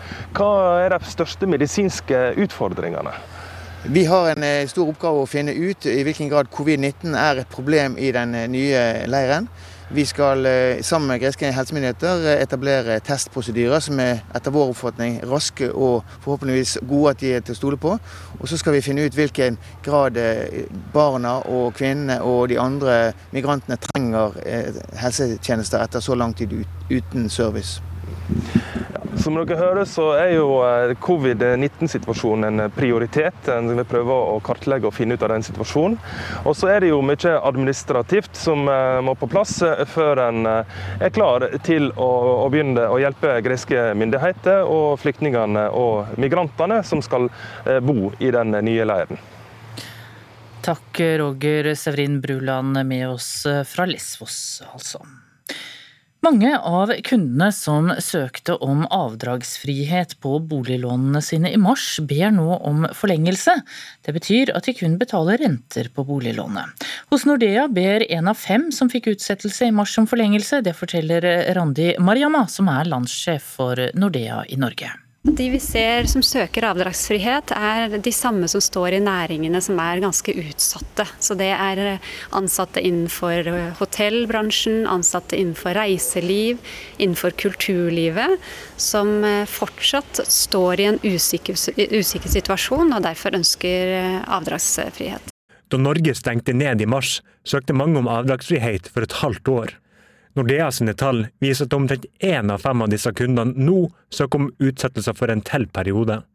Hvor lenge kunden kan ha avdragsfrihet, sier Marjema er individuelt. Vi syns det er viktig nå å hjelpe disse kundene, men det er også viktig å komme i den dialogen med kunden for å, for å se på hvordan situasjonen kommer til å være om, eh, om tre måneder til eller seks måneder til. Danske Bank rapporterer også om at mange nå søker om fortsatt avdragsfrihet, men hos DNB sier de at det er litt for tidlig å se om det har noen klar effekt ennå. BN Bank skiller seg klart ut hos dem har kun 0,1% av kundene søkt om videre avdragsfrihet, forteller Endre Reite, som er direktør for personmarked. Ja, for det første så var det bare én av tre som søkte om avdragsfrihet i vår, som fikk det av oss. For vi var opptatt av å avslå søknaden der folk hadde høy belåning, og der de samtidig ikke var rammet av krisen. Bytter folk bank når de får nei? Dessverre så er det nok en tendens til at uh, konkurransen mellom bankene er så hard at et nei blir uh, et bankbytte. Reporter her var Fredrik Kampevold. I København vil overborgermester Frank Jensen at det skal bli forbudt å selge alkohol i enkelte områder etter klokka 20 om kvelden. Målet er å forsøke å hindre spredning av koronaviruset. Overborgermesteren har sett seg lei på fyllebråk i byen og har sendt inn et forslag eh, som vil få bukt med dette. Alkoholsalget blir i så fall stanset på butikker og kiosker, og det kan bli snakk om bøter for folk som lager bråk. Omkring halvparten av alle unge mellom 13 og 18 år sier de får reklame for produkter som skal gi større muskler, eller som skal virke slankende. Det kommer frem i en undersøkelse fra Medietilsynet. Også enda yngre barn mottar denne typen reklame. Vi frykter at eh, et eh, så stort markedsføringstrykk mot de unge bidrar til økt kroppspress. Og vi vet jo også fra forskning at eh, reklame er med på å påvirke de unges kroppsbilde i negativ retning. Direktør i Medietilsynet Mari Velsand forteller at dybdeintervjuer de har gjort med unge mellom 13 og 18, også forteller at markedsføringstrykket er stort når det gjelder reklame som går på utseende. Dette er jo alvorlig, og derfor er det viktig å diskutere hva som kan gjøres for å redusere denne type press. Jorunn Sundgodt Borgen er professor og spesialist på spiseforstyrrelser og vektproblemer. Hun sier at reklame for slankemidler og muskelforstørrende produkter virker på mange unge. Det forvrenger jo virkeligheten til eh, disse ungene, og noen er jo enda mer sårbare enn andre. Og vi vet at det å bli eksponert for den type eh, reklame, det er assosiert med kroppspress. Professoren mener at både de som står bak reklamen og de sosiale mediene som slipper reklamen gjennom til så unge mennesker, må gjøre en endring. Den type reklame skal ikke nå denne aldersgruppen her. Reporter her var Elisabeth Grøndal. Tilliten til politikerne er lavest blant dem som i minst grad er representert i politikken. En ny rapport viser at politikere ofte har høy utdanning og sosial status, og at de gjenspeiler bare en liten del av befolkningen. De fleste partiene har en lang vei å gå for å sikre mangfold, mener SV. Ettersom jeg så hvordan nominasjonsprosessen utvikla seg, fant jeg ut at det var mest riktig at jeg ikke stilte meg til disposisjon, men at den plassen heller kunne gå til en eh, dyktig minoritetskandidat. Solveig Skaugvoll Foss var inntil nylig andrekandidat for Oslo SV til Stortinget. Men for noen uker siden trakk hun seg som kandidat. Når vi ser at det gang på gang, år etter år, har vært en så konsekvent underrepresentasjon, så behøves det å, å gi mer plass til de gruppene. Det at Skaug Foss trakk seg av Marian Hussein er nesten sikker plass til Stortinget. For at noen skal kunne ta makt og ta rom, så er det jo noen som må gi fra seg makt. En ny rapport fra Institutt for samfunnsforskning viser at handlinger som dette trengs. For selv om tilliten til politikere er høy i Norge, synker tilliten blant de som deltar aller minst. Signe Boksegård, som er ansvarlig for rapporten, sier at det er den samme gruppa som har høyest tillit til politikerne, som er mest representert. Dem som har politisk erfaring, det er kanskje en bestemt type kandidater. Som så også har det fellestrekket de har litt høyere sosioøkonomisk status. Og vi som velgere velger ikke de som likner oss sjølve, men høyt utdanna, middelaldrende, ikke-religiøse kvinner. Politikerne må bli bedre på å speile samfunnet og ta ansvar for å bedre tilliten. Det mener kommunalminister Nikolai Astrup. Alle de politiske partiene klarer å vise frem at også andre kandidater enn de eh, som velgerne ifølge denne undersøkelsen foretrekker, er kompetente og har mye å tilføre politikken. Reportere her var Vilde Gjerde Li og Camilla Helen Heiervang. Over en tredel av norske skolebarn blir kjørt til skolen. På den måten er foreldrene med på å gjøre skoleveien utrygg, slik at flere foreldre velger å kjøre barna til skolen fordi veien er utrygg. Stavanger er en av flere kommuner som prøver å gjøre noe med saken. Den, de, de, skylder på at det er en utrygg skolevei, farlig skolevei, men så har det oftest med tida. Det er så lett å hive ungene inn i bilen og kjøre dem til skolen, og så er de med på å lage faktisk de farlige situasjonene rundt skolen sjøl. I Rogaland er det tidligere olympisk mester i terrengsykling Gunn Rita Dale Flesjå som fronter satsingen for trygg trafikk. Foreldre som absolutt må kjøre ungene på skolen, må snart slippe dem av i en droppsone som ligger opptil 300 meter fra skoleinngangen. Det er beskjeden til foreldre. Øv med ungene. Gå og sykle. Og øv på skoleveien sammen med ungene, helt til dere føler at ungen er sikker og er trygg og vet hva han må være oppmerksom på på vei til skolen. Det er et enstemmig utvalg for miljø og utbygging i Stavanger som innfører hjertesoner der foreldre må slippe elevene av på trygg avstand fra skoleporten. Det forteller leder Rune Askeland fra MDG.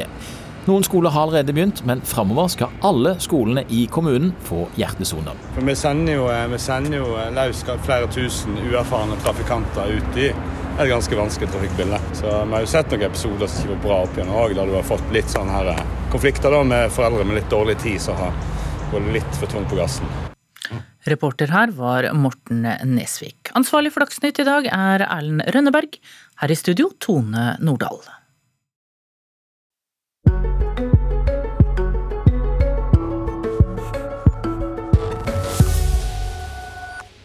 Karakterene fra 10. klasse har mye å si for hvordan du gjør det i videre utdanning. Det viser en fersk forskningsrapport fra Nordisk institutt for studier av innovasjon, forskning og utdanning. Forskerne har fulgt nærmere 10 000 elever fra Østlandet i 14 år gjennom hele utdanningsløpet og til de kom ut i arbeidslivet. Målet har vært å finne sammenhenger mellom utdanning, jobbmuligheter og lønn, og resultatene fra grunnskolen de er svært viktige, sier forsker Eifrid Markussen. Det du kan når du går ut av grunnskolen er helt avgjørende for hvordan det går i utdanningssystemet siden. Eh, og målet på det er jo tiendeklassekarakterene.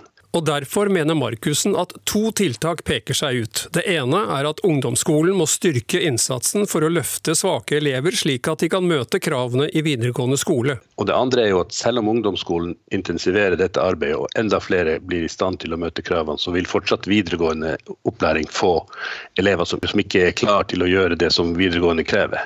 Og Da er budskapet til videregående skole at man må bli flinkere på å forskjellsbehandle elever. Altså Elever som kommer til videregående er ulike, og ulike elever må behandles ulikt. En måte å gjøre det på er å ta i bruk lærekandidatordningen i større grad. Dette er et tilbud til ungdom som av ulike grunner ikke greier å fullføre fag- eller svennebrev. Før helgen kunne vi melde at mer enn to av ti ikke fullfører videregående utdanning. Det bekreftes i studien fra NIFU også, men håpet er slett ikke ute for dem som ikke fullfører, sier Markussen. Selv om det er viktig å fullføre videregående, så er det også viktig at hvert trinn teller. Så klarer du ikke å fullføre videregående, så er det bedre å fullføre ett år enn ingen, og det er bedre å fullføre to år enn ett. Og den som kommer seg raskt til jobb etter å ha avbrutt videregående, har større sjanse i arbeidslivet og bedre lønnsutsikter. Studien viser også, ikke overraskende, at det er forskjell på jenter og gutter. Jentene de opparbeider seg et forsprang i grunnskolen. sånn at når de begynner i videregående, så har de et bedre grunnlag enn guttene i gjennomsnitt. Og Det betyr at de gjør de bedre i videregående. Men fordi at de har med seg et forsprang inn. Men de forskjellene som vi ser mellom jenter og gutter i videregående, de er ikke skapt i videregående, de er skapt i grunnskolen. sånn at de forskjellene opprettholdes, men forsterkes ikke i videregående. Men så er det altså sånn at når du kommer over i arbeidslivet, så er det snudd på hodet. Jentene har forsprang i hele utdanningssystemet, men når, kom, når, vi ser hvordan posisjonen i arbeidslivet er som 30-åringer, så har altså guttene større sannsynlighet for å være i jobb. Og de tjener bedre enn jentene i gjennomsnitt. Og en forklaring på Det altså det er sikkert mange forklaringer på dette, men en forklaring er jo at innenfor yrkesutdanninga så har vi et kjønnssegregert utdanningssystem. For å spissformulere det. Jentene går på helse- og oppvekstfag, og guttene går på elektrofag, teknologi og industriell produksjon og bygg- og anleggsfag. Og fra denne kjønnssegregerte utdanninga så går disse ungdommene over i et like kjønnssegregert arbeidsliv. Så hvor jentene ender opp i lavt betalte, midlertidige deltidsjobber. Mens guttene havner i godt betalte, faste heltidsjobber. Dette er selvfølgelig spissformulert, men det er med på å illustrere eh, hvorfor disse forskjellene oppstår. Forskningsrapporten er bestilt og betalt av fylkeskommuner på Østlandet. Elisabeth Holien, leder av Hovedutvalget for utdanning og kompetanse i Vestfold og Telemark, mener rapporten er et godt grunnlag i jobben med å styrke opplæringstilbudet. Den understreker jo bl.a. betydningen av videregående opplæring, og hvor viktig fokuset på å forebygge frafall og på å øke andelen som gjennomfører er. Eh, så Det er noe, noe, vi kan bruke den til videre. Og så er det enormt mye data som vi må dykke dypere i for å se hva vi kan benytte det til. Reporter her, det var Jan Gulliksen.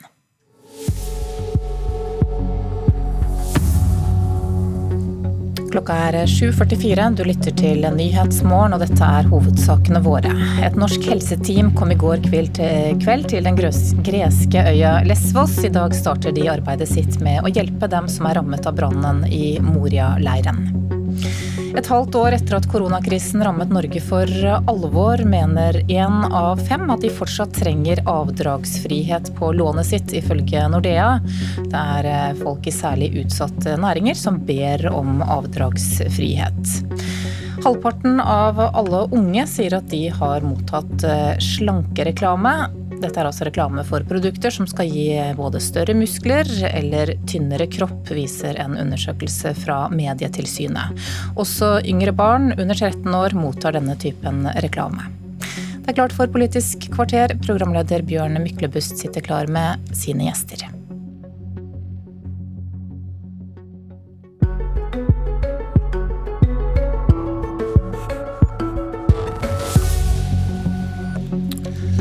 Noen ganger når vi er på vårt mest infame og tabloide, har vi hatt quiz for ukomfortable representanter for Arbeiderpartiet og Høyre. Hvem av dere har denne formuleringen i partiprogrammet? Og det har vært vrient å svare når forskjellen kun er hvordan de samme ordene stokkes. Men blir dette enklere nå? Er avstanden i ferd med å øke? Høyres landsmøte er over. I dag samler Arbeiderpartiet sitt landsstyre. To politiske hovedmotstandere. En av dem skal styre Norge etter valget om nesten nøyaktig ett år. Og på spørsmålene jeg stilte i starten, er vel ditt svar ja. Trygve Svensson, leder i Tankesmien Agenda, velkommen til Politisk kvarter. Tusen takk. Du skriver nemlig Høyre har funnet igjen klærne. Frontene kan bli tydeligere enn på lenge. Høyre har blitt et tydelig høyreparti igjen. Og hvordan begrunner du dette? Ja, jeg tenkte på Når du begynte å snakke om den quizen innledningsvis, så tror jeg jo salig Stein Rokkan, som jobbet på Universitetet i Bergen, han ville vel snudd seg av graven over en sånn quiz. For han Eh, historisk sett så har jo Høyre og Arbeiderpartiet vært veldig ulike partier som har representert veldig ulike interesser i det norske samfunnet. Det har liksom vært grunnlag for veldig mange politiske analyser.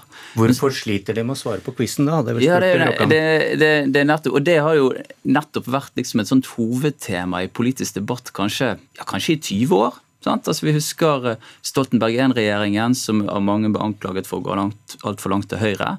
Eh, og så syns jeg det har vært veldig interessant å følge partiet Høyre eh, de siste årene, og spesielt siden 2012. Eh, både politisk, men kanskje òg på det kommunikasjonsmessige. Men hvordan begrunner du dette her? Høyre har blitt et tydelig høyreparti igjen. Høyre har funnet igjen klærne sine. Ja, på det første da, så er, har jeg lagt merke til eh, Si f.eks. Eh, i opptakten til 2013-valget Eh, hva så vi da? Da så vi Torbjørn Røe Isaksen. Han ble da omtalt som liksom Høyres kronprins, egen tenketank. Han hadde utspill som sa nå, nå forandrer vi Høyre, nå skal vi bli det nye Arbeidspartiet. Han stilte opp på sånne bilder med en pil inn mot venstre. Veldig sånn tydelig endring i måten å snakke om politikk på. Eh, alle husker bilder av Erna på et litt sånn rotete kjøkken. Kan du spørre liksom hvor folkelig det er å ha avisen inn på et rotete kjøkken, men det var liksom allikevel en sånn profilendring. Eh, det når, Høyre la fram programutkastet sitt eh, i forrige uke, i opptakten til landsmøtet, eh, så var mye av det borte. Da sa Henrik Aasheim på presentasjonen nå er Høyre til å kjenne igjen. Og, og, tonen var en annen. Men det er jo ikke bare tone vi snakker om, vi snakker òg om reell politikk, selvfølgelig. For det som òg ble sagt når han la fram, det var at nå ser de for seg 10-15 milliarder i skattekutt. Det er jo eh, tregangen av hva som er gjort i inneværende stortingsperiode. Eh, snakket veldig åpent om nedsalget i Equinor, som og da altså går ifra, eh, altså går ifra ei over 67% til 51% Det er òg eh, tydelig høyrepolitikk. Eh, og vi har hatt i dette studioet i går, så satt jo Jonas Gahr Støre i en heftig debatt med Bent Høie om privatisering av helsevesenet. Samme i forrige uke med Ingvild Kjerkol. Så du ser liksom på flere og flere områder så ser du at skillelinjene blir større, og det syns jeg er interessant å legge merke til. Med fare for at uh, Rokkan snur seg i graven igjen, hvorfor mener du det du legger vekt på her er viktigere enn at Høyre og Arbeiderpartiet er ganske enige om Nato, EØS, oljeboring, handlingsregel, en streng innvandringspolitikk, for å nevne noen store saker. Det, altså, når det gjelder EØS, så er jo det Der har nok jeg litt ansyn. Jeg vil si at kanskje det er Arbeiderpartiet som er det store EØS-partiet i Norge. Høyre er jo egentlig de eneste igjen som er veldig klart for EU-medlemskap. Det er verdens ja. beste handelsavtale, sa Erna Solberg her, så der er de helt enige. Ja, det, Men spørsmålet er hvor, hvor, hvor, hvorfor legger du vekt på noen milliarder i skattelette, fritt behandlingsvalg, og ikke disse sakene når du skal se på de to partiene stilt opp mot hverandre?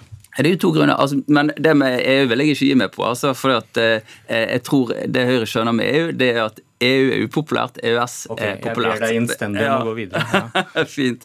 Eh, men det er jo fordi det er tydelige høyre-venstre-skiller.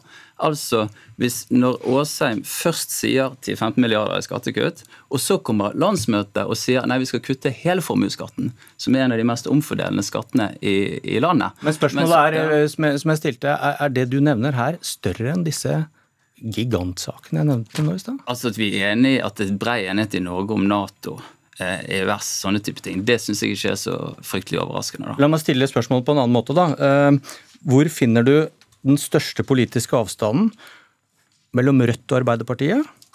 Altså innad på rød-grønn side, eller mellom mm. Arbeiderpartiet og Høyre? Det syns jeg kanskje sånn som jeg leser det landskapet, så er jo Rødt og Arbeiderpartiet også to veldig forskjellige partier med en utrolig forskjellig tradisjon. Altså, Arbeiderpartiet er jo et sosialdemokratisk Det er vel Rødt i programmet sitt ville kalt reformistisk parti. Så de er jo like annerledes. De representerer veldig ulike samfunnssyn. Ja, hvem ville du sagt var nærmest politisk i dag? Jeg, jeg, jeg syns det, det, er rett og slett tre litt ulike innfallsvinkler til politikk. så jeg, jeg jeg, tror, jeg syns ikke du kan plassere dem på den typen skala. Støre svarte han følte, nær, eh, følte et nærmere politisk slektskap med Erna Solberg. Det stemmer, eh, men eh, min analyse er en annen. Din analyse er en annen, kanskje din også. Kristin Clemet, daglig leder i den liberale tankesmien Civita, god morgen. God morgen. Høyre har funnet igjen klærne sine. Frontene kan bli tydeligere enn på lenge. Høyre har blitt et tydelig høyreparti igjen. Hva mener du om den analysen? Ja, for det første vil jeg si at jeg er enig med det programlederen antyder, at forskjellen i all hovedsak er ganske små i norsk politikk, og det mener jeg også i hovedsak er et gode. For Når man ser seg rundt i andre land hvor det er veldig sterk polarisering, så bidrar det til en dårlig politisk debatt og dårlige løsninger. Hvorfor, hvorfor har det vært viktig for Civita å jobbe for et borgerlig styre da? Men, men, når forskjellene blir så utydelige at velgerne ikke ser forskjell, så er det også skadelig. fordi at eh, da forstørrer man og overdriver og karikerer hverandre for å skape kunstige forskjeller, og det er heller ikke ikke bra. Eh, så jeg er i og for seg enig i at det er noen eh, viktige, selv om det kanskje ikke er de største debattene, så er det noen viktige debatter som nå avtegner seg, hvor det kan eh, være tydelige og reelle skiller bl.a. mellom Høyre og Arbeiderpartiet. Men jeg er ikke enig med Trygve Svenssons analyse. Eh, at dette skyldes at Høyre nå har forandret seg så veldig. For der er jeg enig med kommentatorene som har kommentert eh, forslaget til program i Høyre, at det er ikke noen store retningsskifter eller veivalg der. Det vil også være rart etter syv år i regjering. Det er de mange små skrittene mot det de betrakter som å skape et bedre samfunn. Men det man kan si, det er at Arbeiderpartiet på viktige punkter blir radikalisert. Altså det å selge ned i statsbedrifter, det å eh, tillate private velferdstilbydere på, på, det offentliges regning. Eh, det har jo vært eh, Arbeiderpartipolitikk eh, bestandig. Så det som skjer nå, at Arbeiderpartiet på viktige områder flytter seg mot venstre, kanskje under påtrykk fra de ytre venstrepartiene. Og nå nevnte jo Trygve Svensson et godt eksempel selv, at nå er også Arbeiderpartiet gått bort fra å være et ja til EU-parti. Så det skjer en endring i Arbeiderpartiet på viktige viktige områder. På andre områder har de ment det hele tiden, det de nå diskuterer. Bare for ta det, Du ønsker en borgerlig regjering, du ønsker ikke en borgerlig regjering. Du mener at uh, Arbeiderpartiet går mot venstre, og du påstår at uh, Høyre går mot høyre. Er dere på en måte interessert at det skal se sånn ut også? At det, det, det er nok kanskje litt eh, forutsigbart i den forstand at vi, vi jobber jo i to tenketanker som reflekterer veldig ulike interesser i det norske samfunnet. Så det er jo åpenbart. Eh, og så vil jeg jo si om sosialdemokratiet så er jo det en ganske sånn dynamisk innstilling til politikk. Sånn, ta f.eks. en sentralpolitiker som Espen Barth Eide, som var veldig, i veldig stor grad en del av Stoltenberg 1-prosjektet. Han sier jo nå i møte med klimakrisen, som er eksistensiell, sier han veldig tydelig nå har jeg mindre tro på markedet som en måte å løse problemene på. Og Derfor går han nå inn for en veldig sånn aktiv stat ambisiøs stat som skal sette eh, det, det, han kaller retningsgivende næringspolitikk. Så der, Det er helt åpenbart det er et politisk skifte. Du kan godt plassere det på en sånn høyre-venstre-akse, men det, det handler jo om at verden forandrer seg. Eh, og vi har sett konsekvensene av f.eks. en del markedsrettinger i offentlig sektor.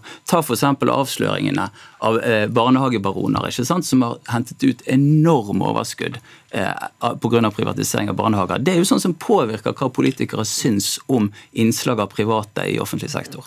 Ja, altså å diskutere liksom hva, hva som har flyttet seg. Jeg vil ikke være med på at vi bare liksom velger analyse ut fra hvor vi står. Vi må kunne se på hvilke standpunkter som har endret seg. Men hvis vi lar den debatten ligge til, da, ligge litt til siden, så tror jeg vi kan se noen interessante debatter fremover når det gjelder næringspolitikk. Det er jo riktig dette med skattepolitikk, privat eierskap, nedsalg.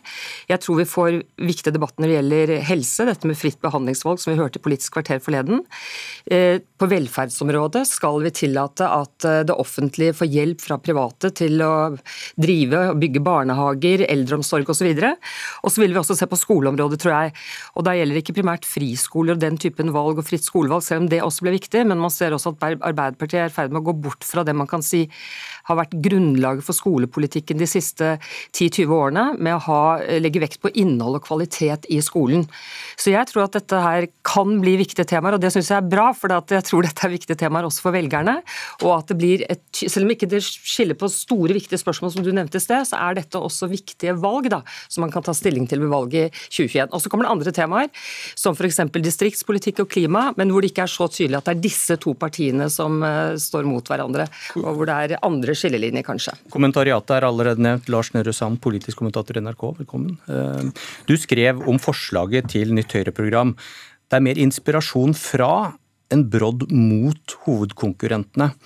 Og at det er vanskelig for Arbeiderpartiet å fremstå som et tydelig alternativ til Høyre. Hvordan begrunner du dette? Det har vært en utvikling over tid, spesielt det siste. at For Arbeiderpartiet så har det eh, handlingsrommet Erna Solberg har skapt med sitt politiske prosjekt eh, siden 2006 og frem til nå, gjort det vanskeligere for Arbeiderpartiet å være en kontrast. Der, eh, nå henter eh, Høyre også inspirasjon fra Fremskrittspartiet, så det er ikke bare Arbeiderpartiet. Men jeg legger merke til at på eh, veiprising, altså et alternativ til eh, bompenger, så gjør Høyre noe Arbeiderpartiet allerede har foreslått. På kontantstøtte så foreslår flertallet i, i, komiteen å gjøre noe Arbeiderpartiet allerede har foreslått. Høyre går inn for pensjon fra første krone. Høyre går ikke inn for vesentlige kutt i offentlig sektor, og heller ikke vesentlige skattekutt. Der fikk jeg jo litt rett i den forstand at Høyres landsmøte mente at det også måtte kraftigere lut til. Eh, og det er ikke de store provokasjonene i det Høyres programkomité legger frem, sammenlignet med der Høyre var på begynnelsen av 2000-tallet. I tillegg så løfter Høyre arbeidsliv, det å skape jobber, eh, eller arbeid til alle, som det heter på andre siden av midtstreken, eh, som et stort prosjekt inn i neste fireårsperiode. Det kan man si er en kjølig analyse av Norge post korona, men det gjør også at rommet for Arbeiderpartiet, å fremstå som noen som vil noe helt annet, blir mindre. Eh, mener du da er like interessant å se på avstanden innad i blokkene, i den borgerlige leiren, i den rød-grønne leiren, enn mellom Høyre og Arbeiderpartiet?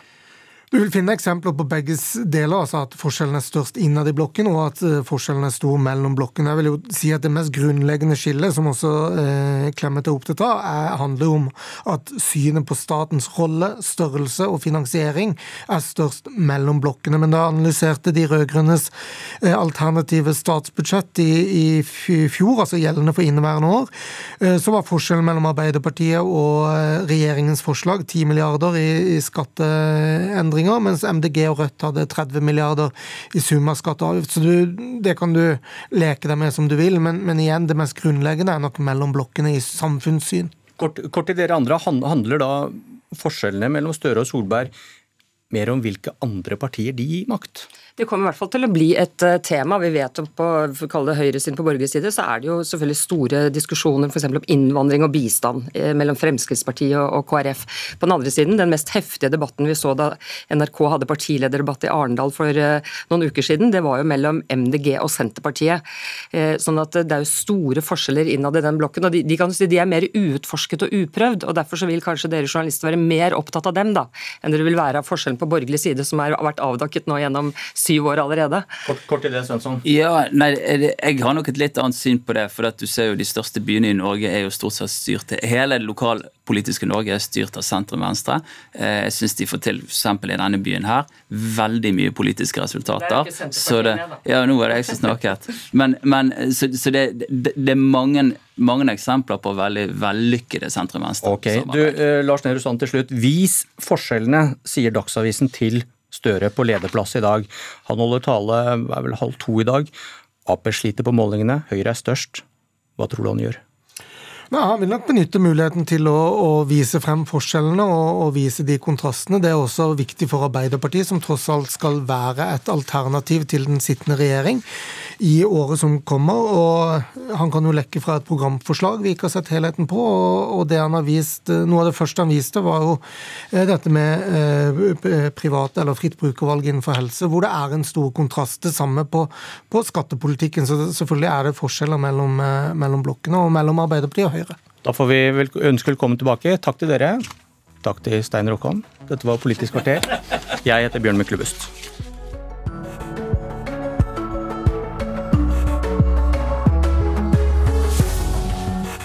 Du har hørt en podkast fra NRK.